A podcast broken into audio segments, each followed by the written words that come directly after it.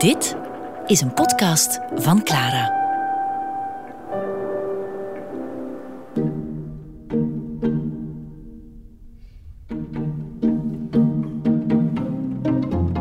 In de oudere kunstgeschiedenis lees je heel dikwijls dat Breugel een echte nationale kunstenaar is. Een man die zich alleen met inheemse tradities heeft beziggehouden. In de voetsporen van Jeroen Bos bijvoorbeeld. En dan is het natuurlijk verwonderlijk dat Breugel toch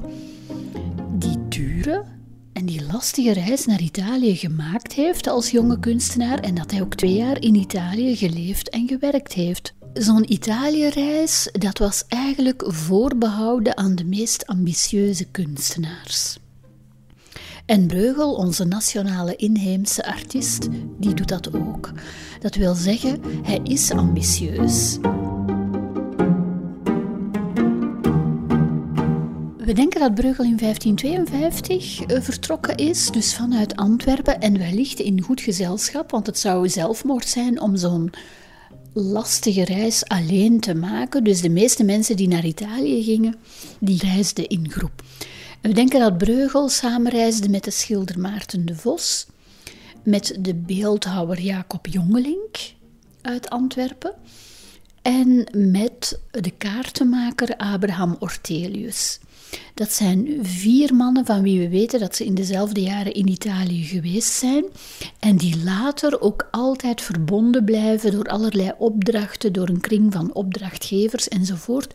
Die namen duiken altijd weer in dezelfde context op. Maarten de Vos, Abraham Ortelius, Jacob Jongelink, Pieter Breugel.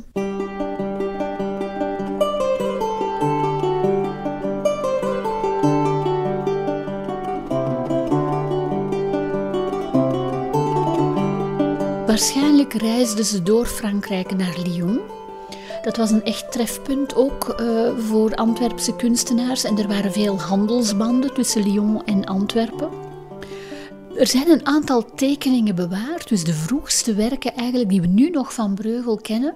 Men heeft wel getracht ze te identificeren. Het gaat dan om kloosters in de Provence bijvoorbeeld, die Breugel heeft weergegeven. Dat zijn echt schetsen onderweg en die zijn soms ontroerend, omdat het lijkt alsof Breugel gewoon langs de kant van de weg ging zitten en iets schetste, een onopvallend landschapje, wat eigenlijk in zijn eigen tijd niet interessant genoeg gevonden werd. Men wilde altijd een spectaculair landschap of een landschap waarin een menselijk drama plaatsvond. Dat onopvallende landschapje met een kloostertje en een riviertje, hij tekende dat graag en dat volstond voor hem. Vanuit Lyon reisden ze wellicht via de pas van Montcenis. Dat was de bekendste Alpenpas sinds de middeleeuwen, de meest gebruikte Alpenpas. En dan kwamen ze natuurlijk in Noord-Italië, Turijn, Mantua, Milaan, Venetië. Wat was eigenlijk de bedoeling van die kunstenaars? Ideeën opdoen en zoveel mogelijk kijken naar de kunst ter plaatse. En bij Breugel zie je dikwijls dat hij gaat zoeken naar bijvoorbeeld verluchte manuscripten. En je ziet dat die manuscripten ook sporen nalaten in zijn werk. Bijvoorbeeld in Venetië heb je het Grimani Brevier, dat een verlucht handschrift is uit de Nederlanden in Venetiaans bezit en dat bevat een prachtige reeks landschappen. En die zou de Breugel hebben geïnspireerd bij het schilderen van zijn eigen landschappen. Dat ligt voor de hand. Maar in Venetië zie je ook dat hij onder de invloed komt van de grootste Venetiaanse meester Titiaan. En dan vooral van uh, de houtsnede naar het werk van Titiaan en naar de prenten die Titiaan ontwerpt. We vinden hem ook in Milaan. Hij heeft zeker hè, de huidige toeristische trekpleister het laatste avondmaal van Da Vinci ook gezien, net zoals toeristen dat vandaag nog zien.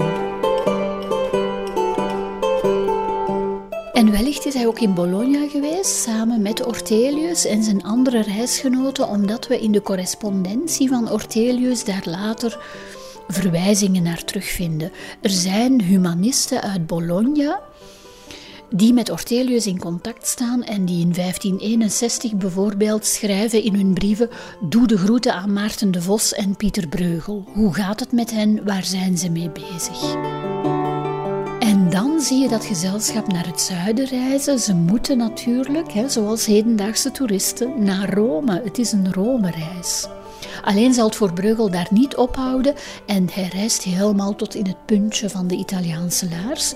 Dus hij gaat nog iets verder dan de meeste kunstenaars die stoppen in Rome.